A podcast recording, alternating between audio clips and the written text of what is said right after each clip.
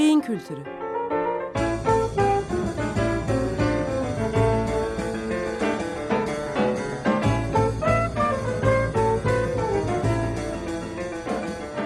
Tarihten, sanattan ve edebiyattan örneklerle beyin.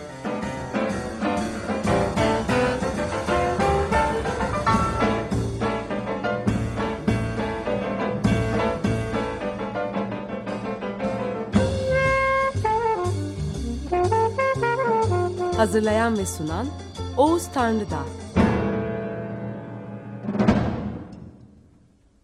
Merhabalar efendim. Bugün 22 Haziran Pazartesi. Ben Oğuz Tanrıdağ. Yeni bir beyin kültürü programına hoş geldiniz.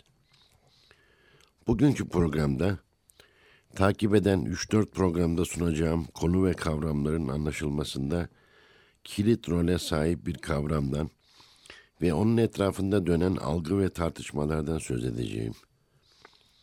Bu kavram özgür irade kavramı. Kavram teorik ve pratik açılardan ele alındığında her iki alanda da tartışmaların olduğu görülmekte.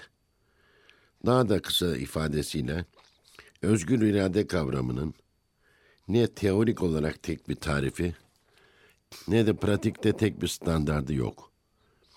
Teorik planda felsefe tarihinde yoğun bir şekilde ele alınmış bir konu olan bu kavram, özgür irade kavramında iki faktör öne çıkar. Bunlar bir konuda ya da bir doğrultuda eylem ya da eylemsizlik kararının bir dış belirleyici etken olmadan verilmiş olması ve verilen kararın kişinin etik, ahlaki standartlarına uygun düşmesidir. Bir konuyla ilgili eylem ya da eylemsizlik kararının gözde görülür bir dış etkenin etkisinden bağımsız düşünülmesi, dikkatleri kişinin kendi başına, yalnız başına olduğu bir koşula çeker ki, o koşulda kişi gönülde hiçbir şeyin baskısı altında kalmaksızın kendine özgür değerlendirme, özgü değerlendirmeyi yapabilsin.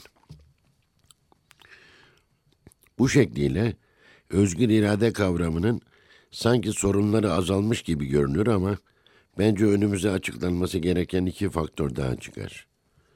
Bunlardan bir, birincisi özgür iradenin işleyebilmesi için görünürde hiçbir etkenin baskısı altında kalmaması faktörü, diğeri ise özgür iradenin iç etkenlerle, kişinin kendisine ait olan etkenlerle ilişkisi faktörleridir. Özgür iradenin felsefi düşüncede yapılan tartışmalarında birinci faktör öne çıkar. Dış etkenlerin özgür iradeyi e, serbest, serbestleştirdiği, özgürleştirdiği yönünde ya da insanın içinde bulunduğu toplumsal yapının buna yardımcı olabileceği yönünde belli başlı iki görüş öne çıkmıştır ki birinci görüşün önerdiği toplum biçimlerinin sonuçta ütopik olduğunu söyleyebiliriz. Bunlardan birisi Thomas More'un ve Campanella'nın önerdiği Ütopya isimli ideal toplum. Diğerisi ise Marx ve Engels'in Komünist Manifesto'da önerdiği sosyalizmden sonraki aşamayı temsil eden komünist toplumdur. Her iki toplum biçiminde de toplum iradesiyle birey iradesi tam tamına üst üste çakışır ve aynı amaç doğrultusunda çalışmaya başlarlar. Bunlar dışında kalan ikinci tür toplum modelleri özgür iradeyi kendi önerdikleri ya da kabul ettikleri sınıflı toplum yapılarının içinden çıkarırlar. Sosyalist toplum modeli ezilenlerin özgür iradesini işçi sınıfı bilincine sahip olmaya, kapitalist toplum modeli de bırakınız yapsınlar, bırakınız etsinler merkezi görüşü etrafında yapılanan liberal görüşe bağlar. Yakın tarih bize bu iki toplum modelinin de özgür iradeyi gerçekleştirmek bir yana dursun, baskı, zulüm ve sömürü anlamlarına geldiğini göstermiştir. Özgür iradeyi ikinci faktör yani kişinin kendisiyle ilgili şartların oluşturduğu faktör doğrultusunda ele alan çeşitli görüşler de olmuştur. 17. yüzyıl İskoç filozofu John Locke'un tabula rasa, boş levha hipotezini hatırlayalım. Locke bu hipotezinde insanlar doğduklarında zihinlerinin boş bir levhayı andırdığını ve kaderlerini kendi edindikleri deneyimlerin belirleyeceğini ileri sürmüştür. Onun zamanındaki hakim siyasal ideoloji içinde insanların doğduklarında kimin çocuğu iseler kaderlerinin onlar gibi olacağına, aristokratların aristokrat, işçilerin işçi olmaya devam edeceklerine inanıldığı için Locke'un hipotezi her şeyden önce özgürlükçü siyasal bir ideoloji olma görevini üstlenmiştir. Tarihsel açıdan gördüğü olumlu role rağmen günümüzün beyin araştırmalarının Locke'un hipotezinin yanlış olduğunu, insanın doğarken boş ve tertemiz bir zihinle doğmadığını gösterdiğini not edelim. Bu doğrultudaki örneklerimizden bir diğerinin varoluşçu felsefe olduğunu da söyleyebiliriz. Bu felsefede insanın öz yaşantılarının önemi öne çıkarılır ve zihnini daha çok bu yaşanmışlıkların belirlediği öne sürülür. Özgürlükçü bir yana, özgürlükçü tarafı bir yana, bu felsefenin de Jung'un kolektif kültürel altyapıların varlığıyla e, ilgili gösterdiği gibi tarihsel belirlenmiş bazı altyapı e, faktörleriyle sorunu vardır. Yani insanlar bireysel davranışlarında da eskinin izlerini taşımaktadırlar. Özgür irade konusunda yüzyıllar içinde oluşan sosyal ve kültürel ön kabullerin karşısına 20. yüzyılda davranış bilimleri bireysel psikolojiyi ve bunu da yönlendiren en önemli etken olarak bilinçaltı kavramını çıkarmıştır.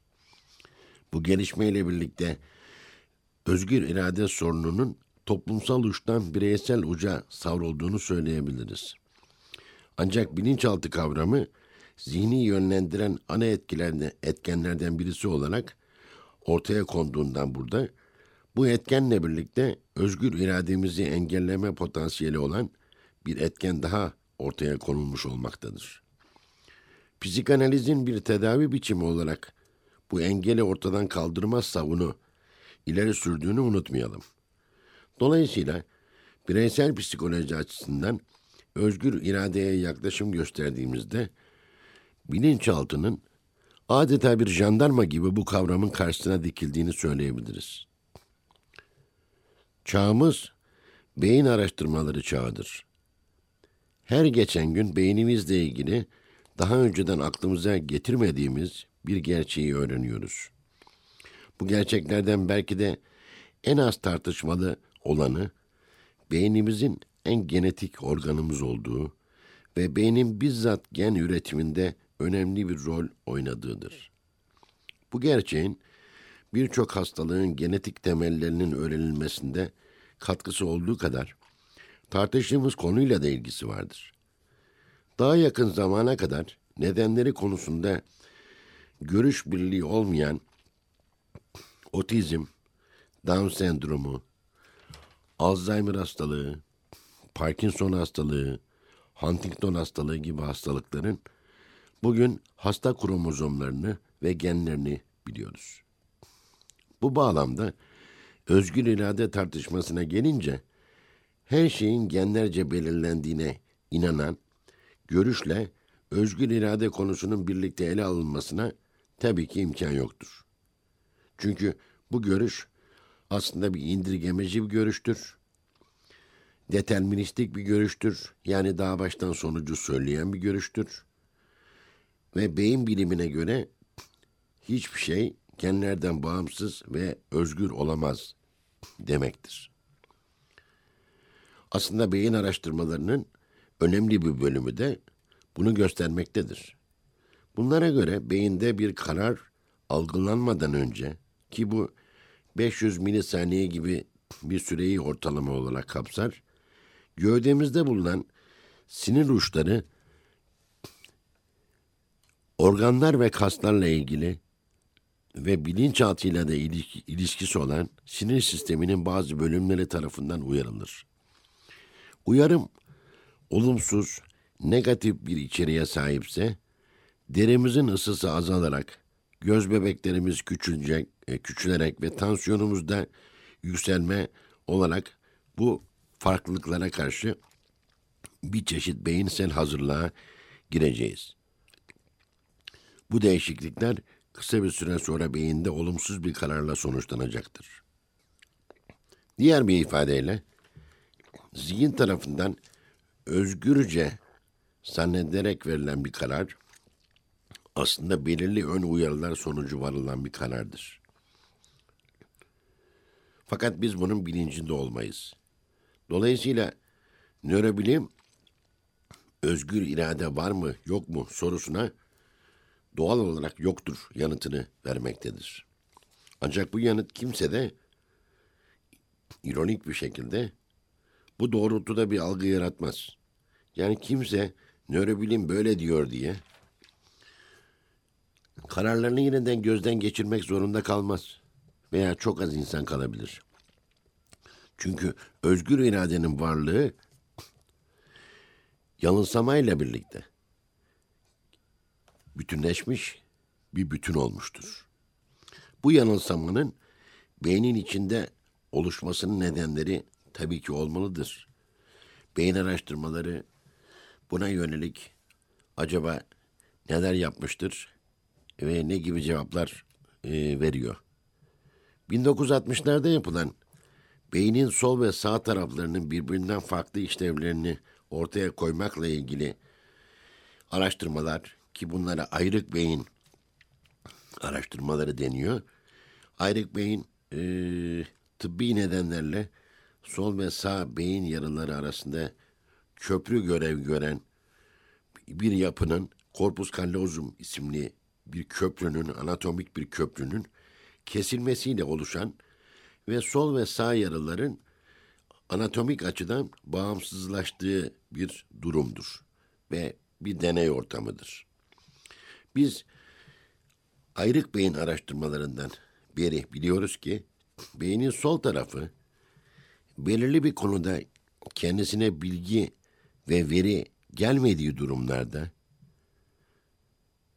normalde bizim beklentimiz içinde olabileceği gibi veriyi ve bilgiyi bekleyeceği yerde beklemez ve o olayın nedeni konusunda bilgi ve veriden yoksun yanıtlar üretir.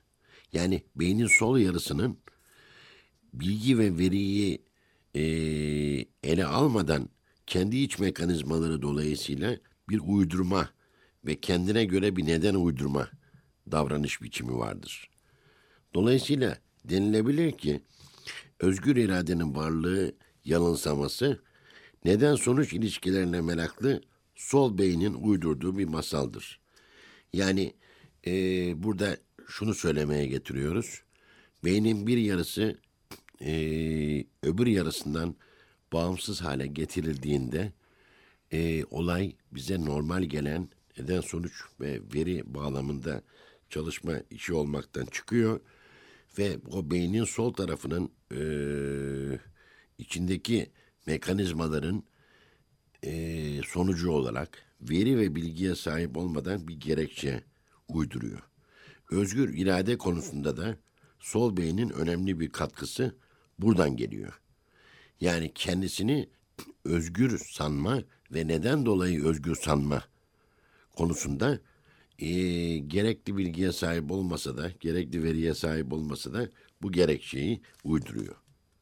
Böylece sonuç olarak yani böylelikle özgür irade meselesi ister sosyal, ister davranışsal, isterse de beyin araştırmaları açısından ele alınsın, çıkmaza girmiş gibi bir durum var. Diğer bir ifadeyle muazzam derecede teorik öneme sahip bir konu, pratikte son derece önemsiz hale gelir. Yani yüzyıllardır üzerinde tartışılan e, muazzam derecede teorik öneme sahip bir konu ve insana insan insan varlığı için çok önemli olduğu iddia edilen bilhassa filozoflar tarafından iddia edilen e, bir konu ve insan kimliği açısından önemli olan bir konu.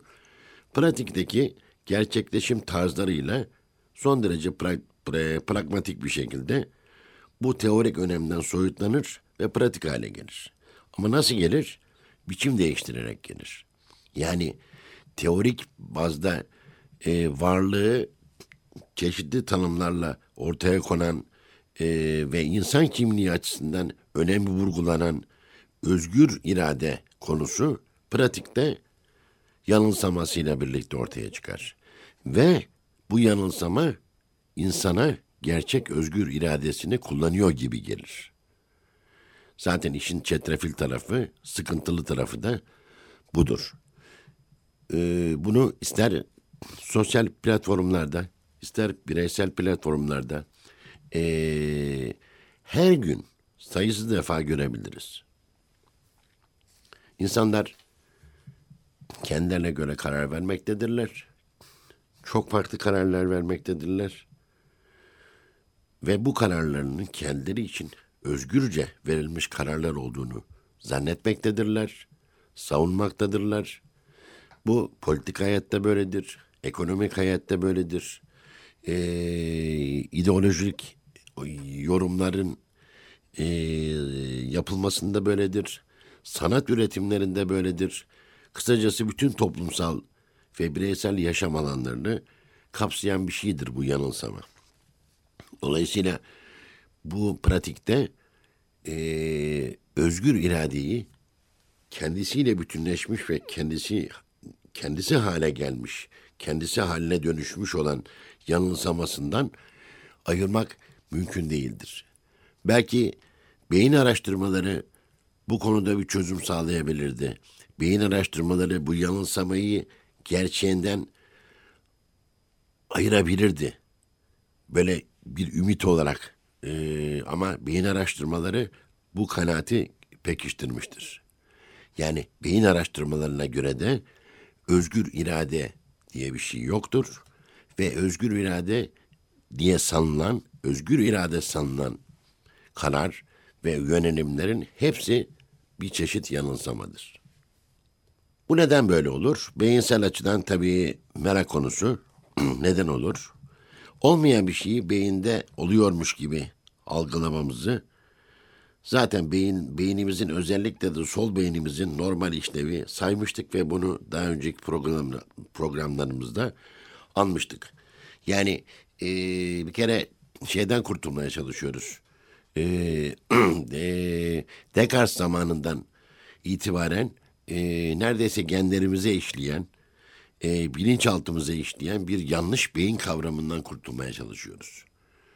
Bu beyin kavramı e, beynin matematiksel, son derece mantıksal, neden sonuç ilişkisi içinde birbirine e, uyumlu çalışan bir organ olduğu şeklinde bir anlayış. Descartes bunu kendisi de büyük bir matematikçi olduğu için bu beyin hipotezini öne sürdü.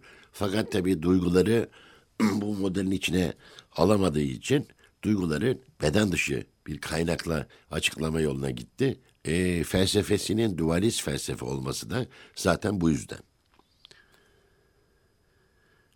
Bu sol beynin gerekçe uydurma ve e, olmayan bir şeyi varmış gibi kabul edip hayatı normal bir şekilde devam ettirmeye çalışma özelliğinden başka, beynin bir başka özelliği üzerinde düşünmekte, üretmekte ve uydurmakta olduğu gerekçelere inanmamızı sağlar ki bu özellik beynin bir inanç motoru gibi çalışma özelliğidir.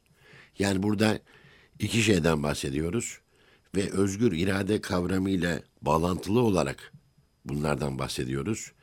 Bu iki şey beyin özellikleri olarak insan beyninin araştırmalarca gö- gösterilen özellikleri olarak dile geliyor.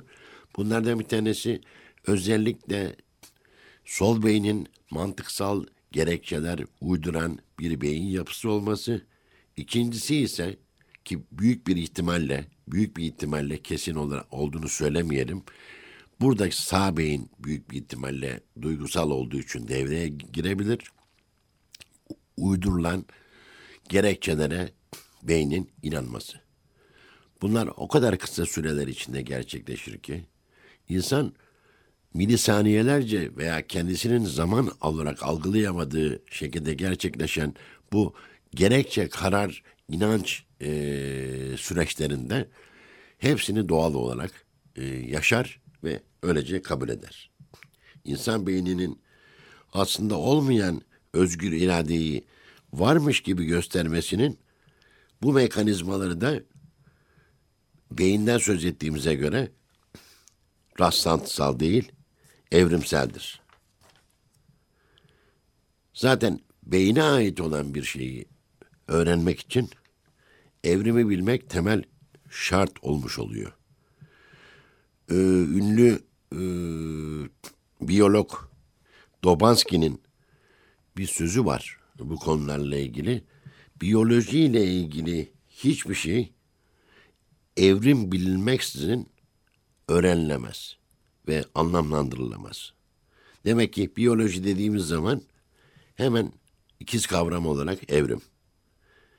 Ve beyin de biyolojinin deyim yerindeyse prensi ve master'ı olan bir organ olduğu için beyinle ilgili anatomik olsun, işlevsel olsun herhangi bir şeyi bilmek için evrim kuramının ana özelliklerini bilmemiz gerekir. Dolayısıyla biraz önce sözünü ettiğim gerekçe uydurma ve gerek kendi uydurduğu gerekçeye inanma özellikleri tabii ki ağır bir şekilde Descartes e, hipotezine eleştiri getiren özelliklerdir. E, beynin yanılabileceğini ve yanılgısını da inanç haline getirebileceğini söyleyen, duygu, duyguyu beyni içine alan, beyin içine alan bir e, holistik, bütüncül hipotezdir ki, dolayısıyla bu yoldan yürüdüğümüzde Descartes'in dualist felsefesi içindeki beyin e, hipotezinin e, çöp tenekesine atılmaktan başka bir geleceği olamaz. Birçok canlı türü gibi insanı da evrim dediğimiz zaman e, düşmememiz gereken bir yanılgı, hata beyinler yerine beyin deyimini kullanmak. Biz gündelik alışkanlıklarımız içinde, düşünsel alışkanlıklarımız içinde e, hep öyle konuşuyoruz. Beyin diyoruz ve sadece kendi beynimizi kastediyoruz. Bu canlılar dünyasında beyin taşıyan diğer türler için büyük bir haksızlık. Çünkü eğer beyinler yerine beyin diyorsak bu basit bir kelime oyunu veya kelimelerin yer değiştirmesi şeklinde değil, düşünce ve duyguyu sadece insana atfetmek ki buna antropomorfizm ismi veriliyor. Bunun dışındaki canlı türlerine duygusuz, düşüncesiz otomatlar olarak çalışan türler olarak bakmak. Anlayış bu. Onun için sürekli beyinler dersek diğer canlı türlerinin hakkını da biraz daha fazla vermiş olacağız. Burada da bu konuda da birçok canlı türü gibi ee, birçok canlı türünü nasıl koruyor? Evrim, örneğin doğal ayıklanma nasıl koruyor? İnsanı da aynı mekanizma üzerinden koruyor. İnsanı özel olarak koruyan, insana özel bir evrim kuralı yok. Dolayısıyla doğal ayıklanma e, insanı aynı zamanda genel biyoloji kuralları üzerinden koruyor ve dolayısıyla evrimsel düşünce biçimi savunma mekanizmaları üzerine kurulu yalancı pozitif bir düşünce biçimi olarak ortaya çıkıyor. Yani insan beyni türünün dışlanmasını önlemek adına geliştirdiği düşünme biçiminde olmayan bir şeyi varmış gibi kabul etme yönünde düşünmektedir. Düşünmediği zaman dışlanmaya yakınlaşmaktadır. Peki özgür irade konusu ne olacak sorusunun yanıtı da muhtemelen şöyle bir yanıt olacaktır. İnsan biyolojik, psikolojik ve sosyal bir varlıktır. Onun beynine ve zihnine ait olan bir şey, canlılar dünyasından ve bu gerçeklerden asla bağımsız olamaz. Her üç özellikte kendi açılarından özgür iradenin varlığını değil, varmış gibi kendini ortaya çıkartan maskeli yanılsamasını göstermektedir. Yani real anlamda yokluğunu göstermektedir. Buna rağmen insanın bu konuda yaşadığı yanılsama bizzat beynin kendi özelliklerinden gelmektedir ve hayat bu şekilde devam etmektedir. O zaman yanılmazlık diye bir durumun olmadığını, herkesin yanılabildiğini aslında normal hayatın yanılgılar içinde yaşanan bir süreç olduğunu rahatlıkla söyleyebiliriz. Özgür irade genlerle kültürler arasında sıkışmış bir kavramdır sonuç olarak. Nedir? Genlerle kültür arasında sıkışmış bir kavramdır. Genlere bir şey yapamıyoruz. Ama bazı kültürler özgür iradenin varmışlığını, var, var olmuşluğunu destekleyen sanal ortamlar sağlamaktadır. Aynı şekilde bazı kültürlerde özgür iradenin hiç lafının bile edilemediği kültürel ortamlar sağlanmaktadır.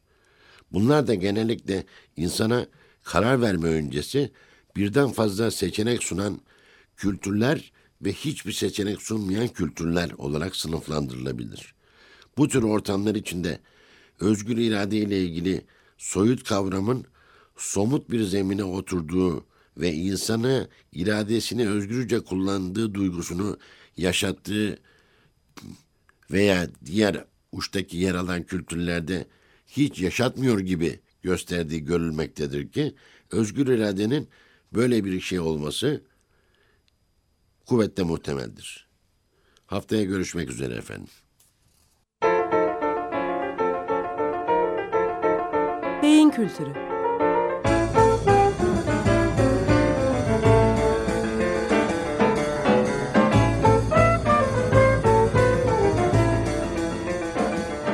Tarihten, sanattan ve edebiyattan örneklerle beyin.